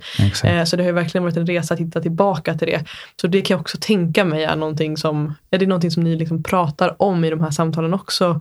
Är det någonting du går in och liksom ger råd kring? Eller vad, hur? I studien så, så, skulle inte någon vara på någon preventivmedel. Men annars så det ämnet tyvärr är väldigt laddat. Och för någon konstig anledning, jag vet egentligen inte varför. För det känns som att vissa identifierar sig själv med en metod som vissa tolererar och vissa tolererar inte. Så, så om det skapar bara massa problem för någon när de är på preventivmedel, det är väl självklart att de inte ska fortsätta. Jag kan säga med handen på hjärtat att ifall en sån typ av behandling fanns hos män, vi skulle aldrig tolerera det. Precis. Men det faller över också på att det är kvinnor och den feminina, det, som tyvärr är väldigt förtryckt. Man lär sig självcensurera sig själv och så vidare. Medan det finns preventivmedel som inte skapar några besvär och de tolereras. Och det är fint att någon väljer så. Men när någon inte mår bra av det och när någon inte vill, att det finns då också en annan medicinsk modell som säger okej, okay, men alltså vi ser det på det här sättet och så här funkar det här.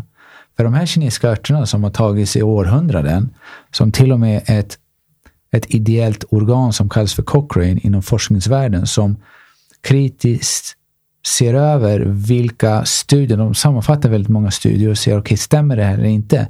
De gick ut och sa att ja, kinesiska örter kan funka, kan lindra menstruationssmärta. Och det, det är väldigt tydligt för att man har sett också varje ört vad de här gör individuellt. På vad gör de med prostagladinerna, Vad gör de med inflammationen? Vad gör de med blodtillförseln och så vidare? Och det är väldigt positivt, så, så resultatet är egentligen inget konstigt. Så, och, och därav också erbjuder jag den produkten på min hemsida. Vi kallar den för Flowden. Det är ett urgammalt recept så, som man, man kan prova. Mm. Du, du, du kan göra det här själv. Du behöver inte vänta ett halvår för att komma till mig. Eller till någon annan. Precis, jag gillar verkligen den aspekten att det finns så mycket vi själva kan göra. Liksom. Och jag tror att där känns det som att det finns en sån bild som har målats upp mycket i liksom det här samhället vi lever i. Där det alltid finns en högre makt av något slag som ska liksom berätta, ge svaren och när jag har fått det svaret så kommer allt vara löst. Liksom. Mm.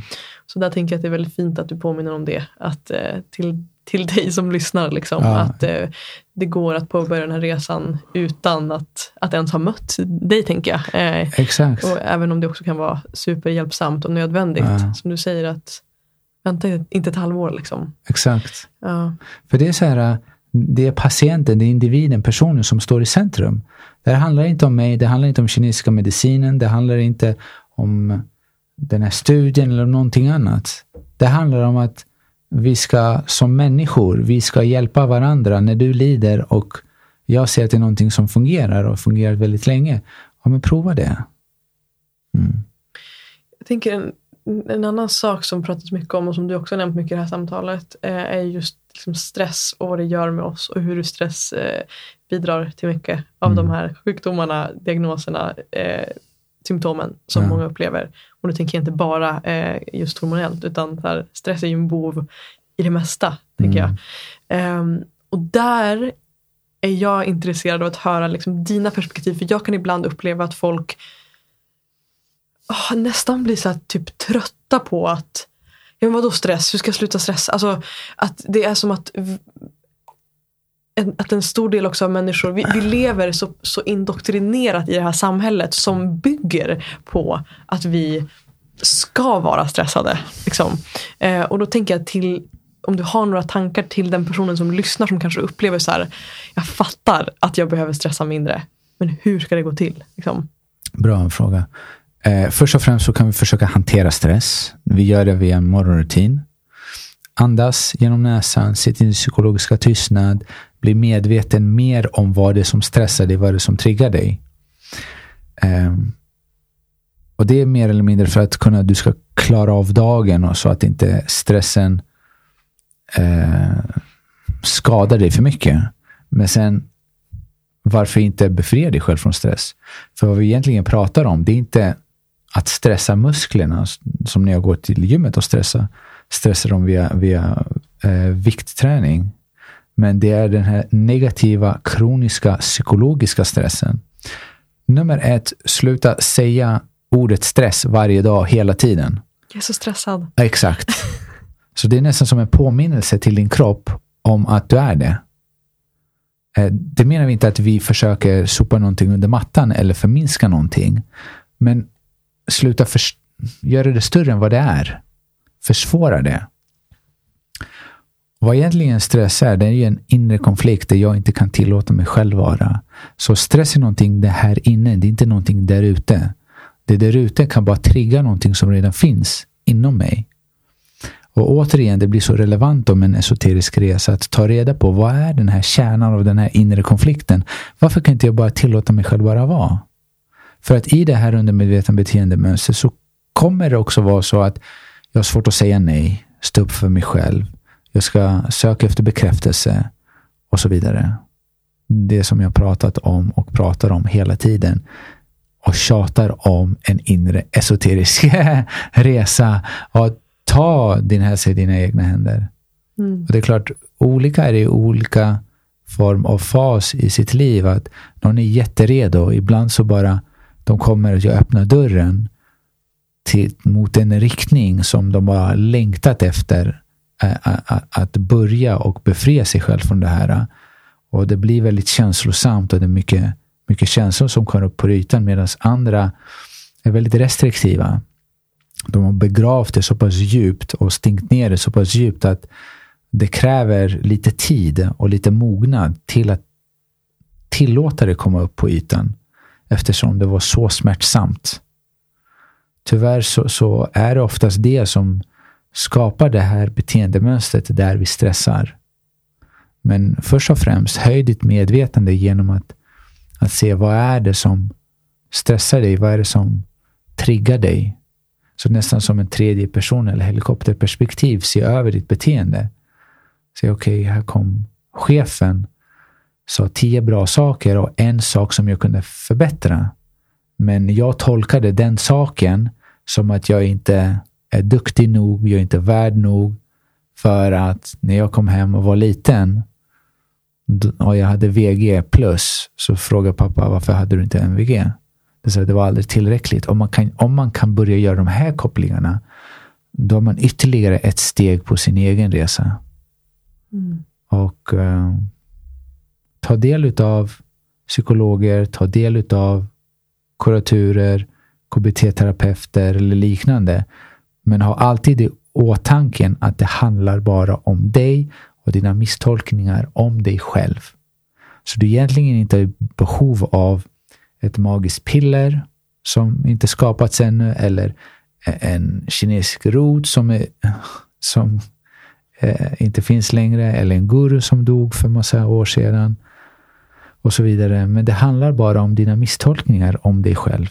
Så um, avsätt tid och, och, och, börja göra den här inre resan och se vad är den här kärnan av den inre konflikten som skapar det här stresset hos dig. Mm. Du sa vid något tillfälle här att kost är, jag vet inte vilket ord du använder, överskattat. Eller liksom att, det, att det inte kanske spelar så stor roll som vi tänker. Vill du, Nej, det, det spelar en stor roll, den fysiska ja. kosten. Ja. Men det är överfokus på det. Just det. Mm. Fokusera, jag vill att folk fokuserar mera på den mentala kosten nu.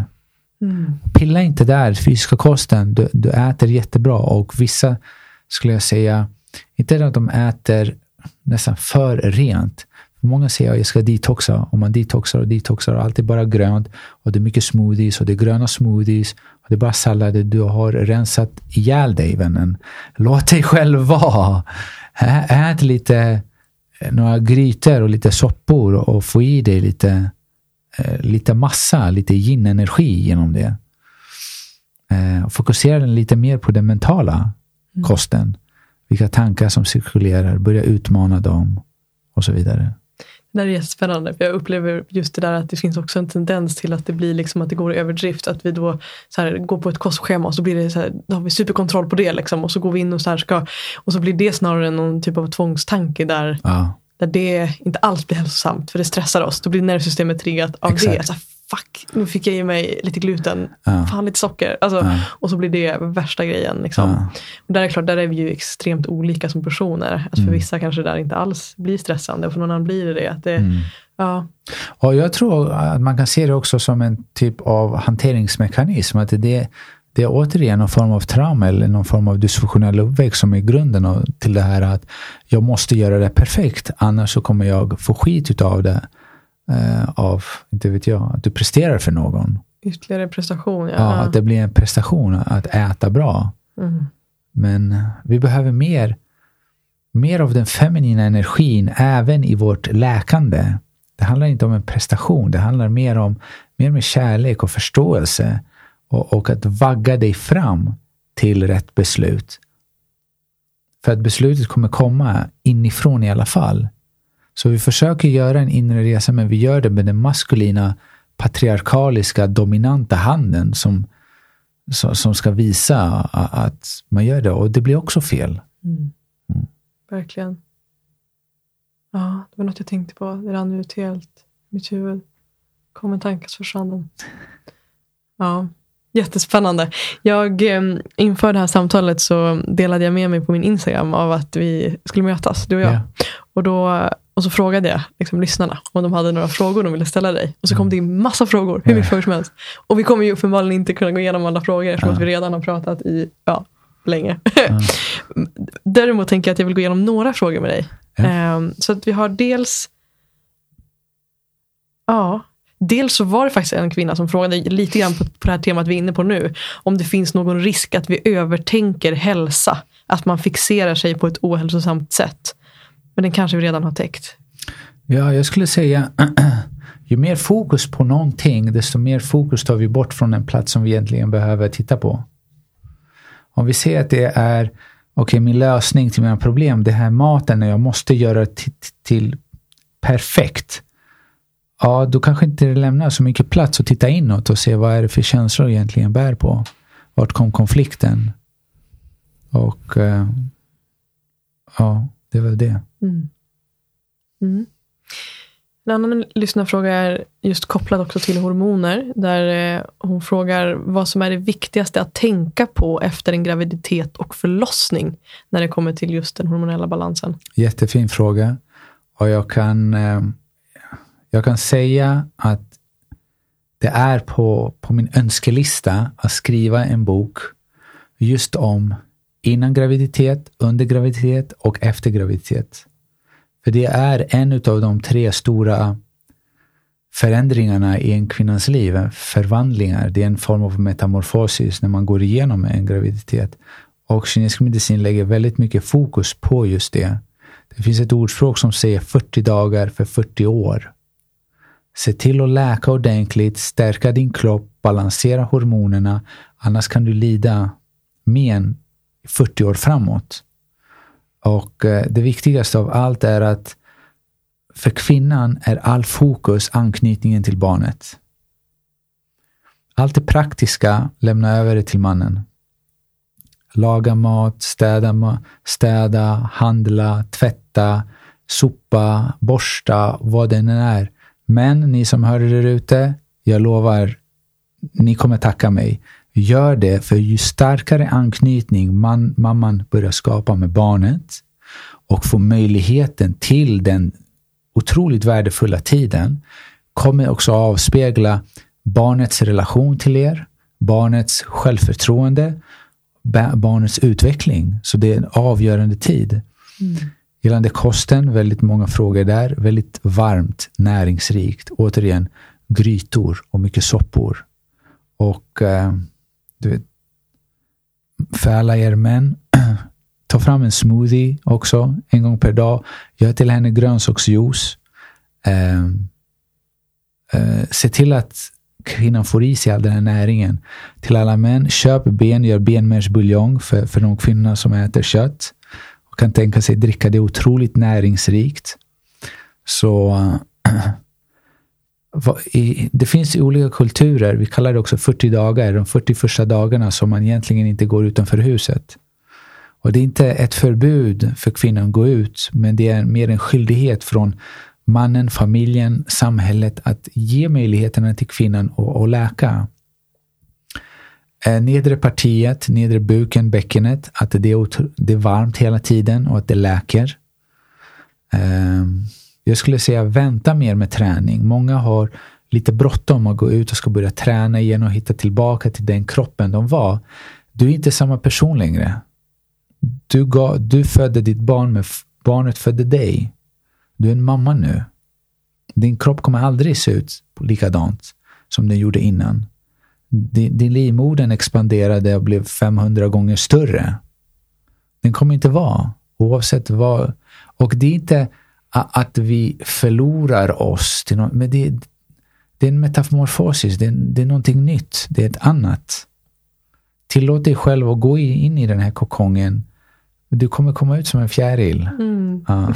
ja, fint. Fjärilen. Men det, larven vet inte att det är, en, det är en fjäril som kommer bli av, av den. Så det är tilliten.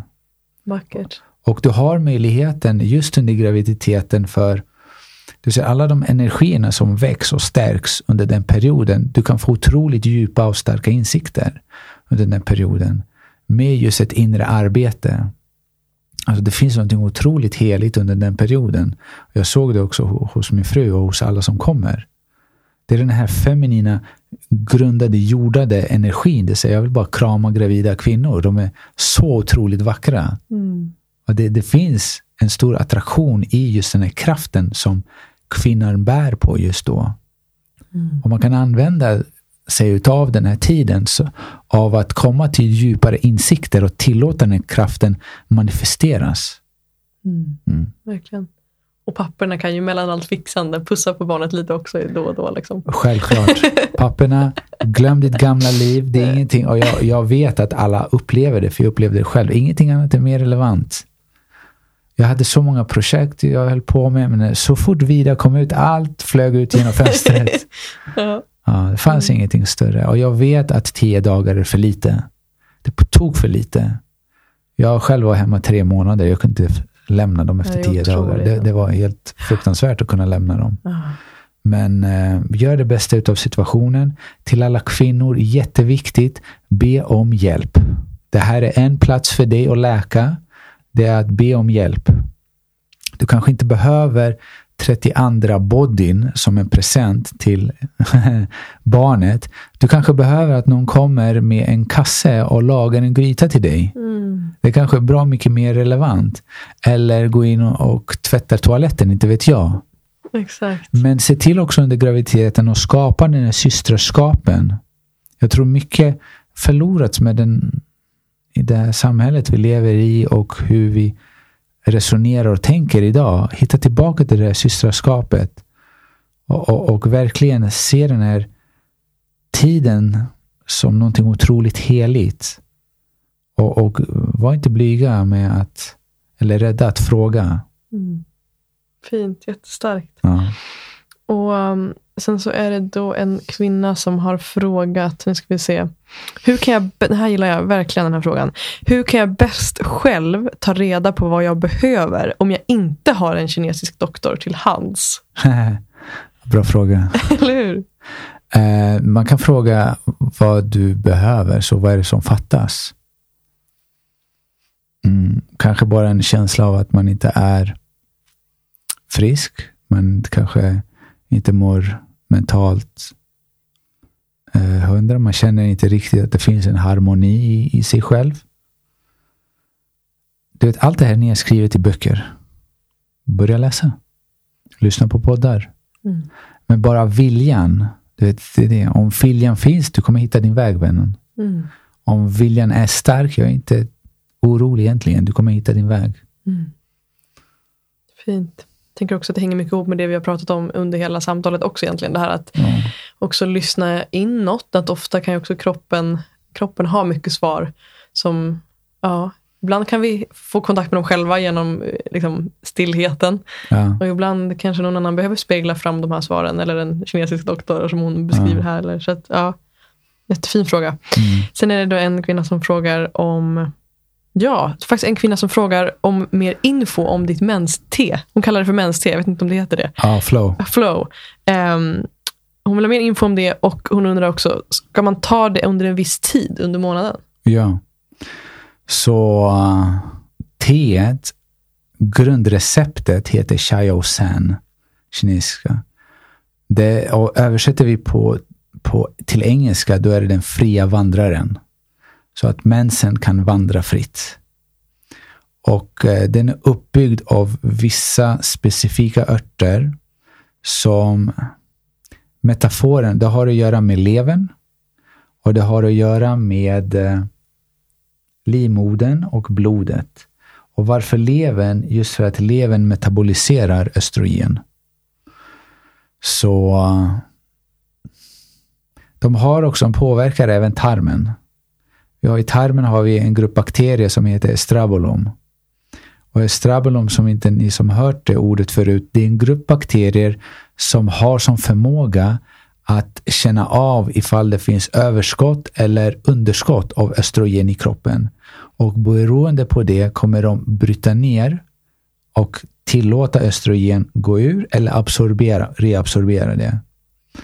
Så återigen så ser vi att när det kommer till hormonhälsa, det har bara inte att göra med en enstaka sak. Det är så mycket mer än så. Så de har också en form av påverkan på dålig typ av bakterier i tarmen. Eh, det bästa tiden att dricka det är efter eh, ägglossningen. Om man dricker det under en vecka. Studien vi gjorde, man drack det under tre månader i rad. Vissa ser bara, upplever en, en förbättring efter första gången. Då behöver man inte dricka mer. Vissa behöver kanske ta två månader i rad. Vissa efter behov. Men jag skulle säga att det här ska bara vara ett verktyg medan du gör ditt inre arbete.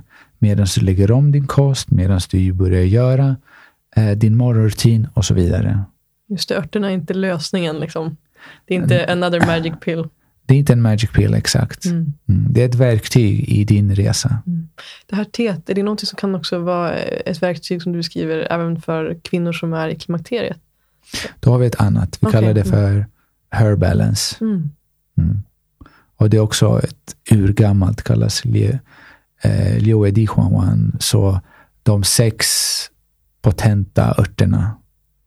Eh, och det är verkligen, så vi ser då övergångsåldern som en fas där yin torkar ut. Så vi ser att floden torkar ut. Och ifall man har varit för mycket i det maskulina, i yang-energin som har då under livet konsumerat i yin, då kommer även den här fasen skapa en större skillnad mellan yin och yang och man kommer få väldigt tydliga symptom. Så vad de här örterna gör, de är ju väldigt starkt adaptogena, vilket betyder att hormoner som är för låga hämtar upp dem och hormoner som är för höga hämtar ner dem. Och vi har ju till exempel ashwagandha, en adaptogen och maca är en adaptogen kinesisk medicin har jättemånga olika adaptogena örter. Och det är vad de gör. De balanserar hormonerna så att de här symptomen inte är alltför påtagliga. Mm. Fint. Mm. Tack att du delar. Sen tänker jag det får bli en sista, sista fråga. Um, och det är då en kvinna som undrar om du har tre stycken viktiga och konkreta vanor eller val i vardagen för en god hälsa. Tre snabba liksom. Okej. Okay. Vi ska ta både fysiska, mm. praktiska och så ska vi ta psykologiska. Ja. Ett, ät riktig mat. Eh, två, med självkärlek. Och tre, tala om för dina nära och kära hur mycket du älskar dem. Mm. Fint. Ja. ja, jättefint. Ja, det var ju enkelt.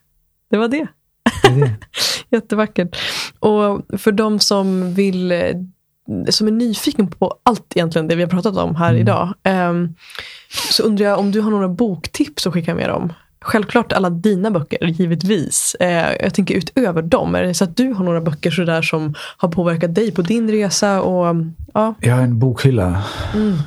En stor bokhylla. Så, men det är intressant för att eh, jag har fått frågan, så här, vilken bok har verkligen så inspirerat dig mest? Och lustigt nog, det var en tid i, i Kina som jag började läsa de allra äldsta böckerna jag ska säga alla förutom Bibeln och Koranen läste jag inte. Men det var urgamla böcker och de finns ju i pdf-version. Och bland dem så hittade jag en bok som det var så här, Writer Unknown. Och det var så här, jag vet inte vem det är som har skrivit den, men den boken kanske jag läser tio gånger. Mm. Spännande. Vad är liksom inramningen? Vad, vad handlar det om? Eller vad är kärnan? Det, det, det är så här till det esoteriska det tar upp så existentiella saker och bara bryter ner det på så enkelt sätt. Unknown writer. Så Ja. speciellt. Alltså det, det är så lustigt att den, Ah. jag fick, den hamnade för att i Kina så hade vi så kopieringsställen som man skickade pdf-filen och de bara tryckte upp en bok utav det. Eh, och helt plötsligt så hade jag den här och jag visste inte heller vart filen var till den. Gud, Så- speciellt. Ja. På tal om synkronicitet. Liksom. Ja, Den skulle vara i verkligen. dina händer på något vis. Ja, Ja, verkligen. häftigt. Och hur kan våra lyssnare göra för att komma i kontakt med dig eller din, din mottagning eller ta del av ditt arbete? Så det är Instagram främst. Där försöker jag uppdatera med konkret och informativ content. Sen är det min första bok, min andra bok som kommer nu. Podd, min egna podd, alla poddar jag varit med om. Eh, hemsidan har jag mycket, jag har en blogg. Eh, finns också produkterna där. Så eh, allt för att du ska skapa dina förutsättningar Mm. för ditt liv. Det vill jag också verkligen säga till de som lyssnar. Att jag upplever, alltså, du, du, på tal om det här med att veta, att frågan som lyssnaren ställde om hur, vet jag, hur tar jag reda på vad jag själv behöver utan att ha en medicinsk doktor. Så Ja. tänker jag också att du, du om någon levererar ju så otroligt mycket eh, värdefull, värdefulla insikter genom Ja. dina kanaler, genom din hemsida, genom framförallt Instagram tänker jag på. Ja. Där det är så konkreta tips, lärdomar, nycklar, alltså verktyg verkligen. Det vill jag verkligen skicka med också. Att om du som har lyssnat på det här känner att jag vill lära mig mer så gå in på din inst- alltså på, på Diamantis Instagram. Ehm, för där finns mycket att lära sig. Mm. Så.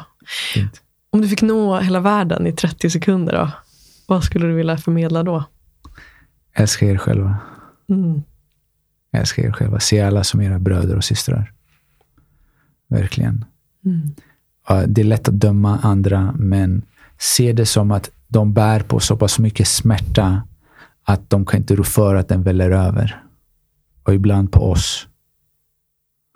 Och, och trots ibland kan det kännas personligt, men det är egentligen inte personligt. De kan bara inte rå för det. Mm. Fint. Tusen tack för den här, ja, vad är det, nästan två timmarna. Ah, det har varit så, så, så fint. Så tusen Ja. tack. Tack. Jag vill igen passa på att påminna om onlinekursen som jag och Peter kör igång nästa tisdag på temat behov. För dig som längtar efter att bli bättre på att identifiera, lära känna och uttrycka dina egna behov i relationer. Än så länge så har vi några få platser kvar och vi är så nyfikna på att få möta dig. Så under tre träffar i november så möter vi helt enkelt på Zoom i en fantastisk grupp för att tillsammans dyka in i just det här temat behov. Hur kan vi bli tryggare och mer självsäkra när vi uttrycker våra behov till de personer vi har runt oss? All info och anmälan till den här kursen hittar du på gungdeeper.se behov. Jag vill också igen tacka Living Room som hjälper oss att göra det här samtalet möjligt. Living Room är för mig det mest självklara valet av coworking space i Stockholm. En plats för personer och verksamheter inom holistisk hälsa och personlig utveckling. Jag älskar den kreativa, varma och inspirerande oas som jag får dyka in i när jag jobbar från Living Room. Och som lyssnare till podden så får du nu 10% rabatt på ditt medlemskap när du använder koden perspektiv10. Och all info om hur du bokar eh, och var du bokar hittar du i länken till det här avsnittet. Tack till dig som har varit med oss i det här samtalet. Jag ser fram emot att få möta dig som lyssnar och ta del av hur det här samtalet landar i dig. Vilka tankar, insikter och kanske till och med triggers växer dig. Det skulle betyda allt om du delade med dig till mig på sociala medier. Skriv till mig eller posta på din story och tagga mig så låter vi det här samtalet leva vidare. Du hittar mig på Instagram under namnet Mofjärd utan Ä och på Facebook vill jag också välkomna dig till den slutna gruppen Mofjärd Community där vi möts för att prata vidare och lära oss av varandra och, och varandras perspektiv. Du hittar länken i beskrivningen till det här samtalet. Tack igen för att du är här.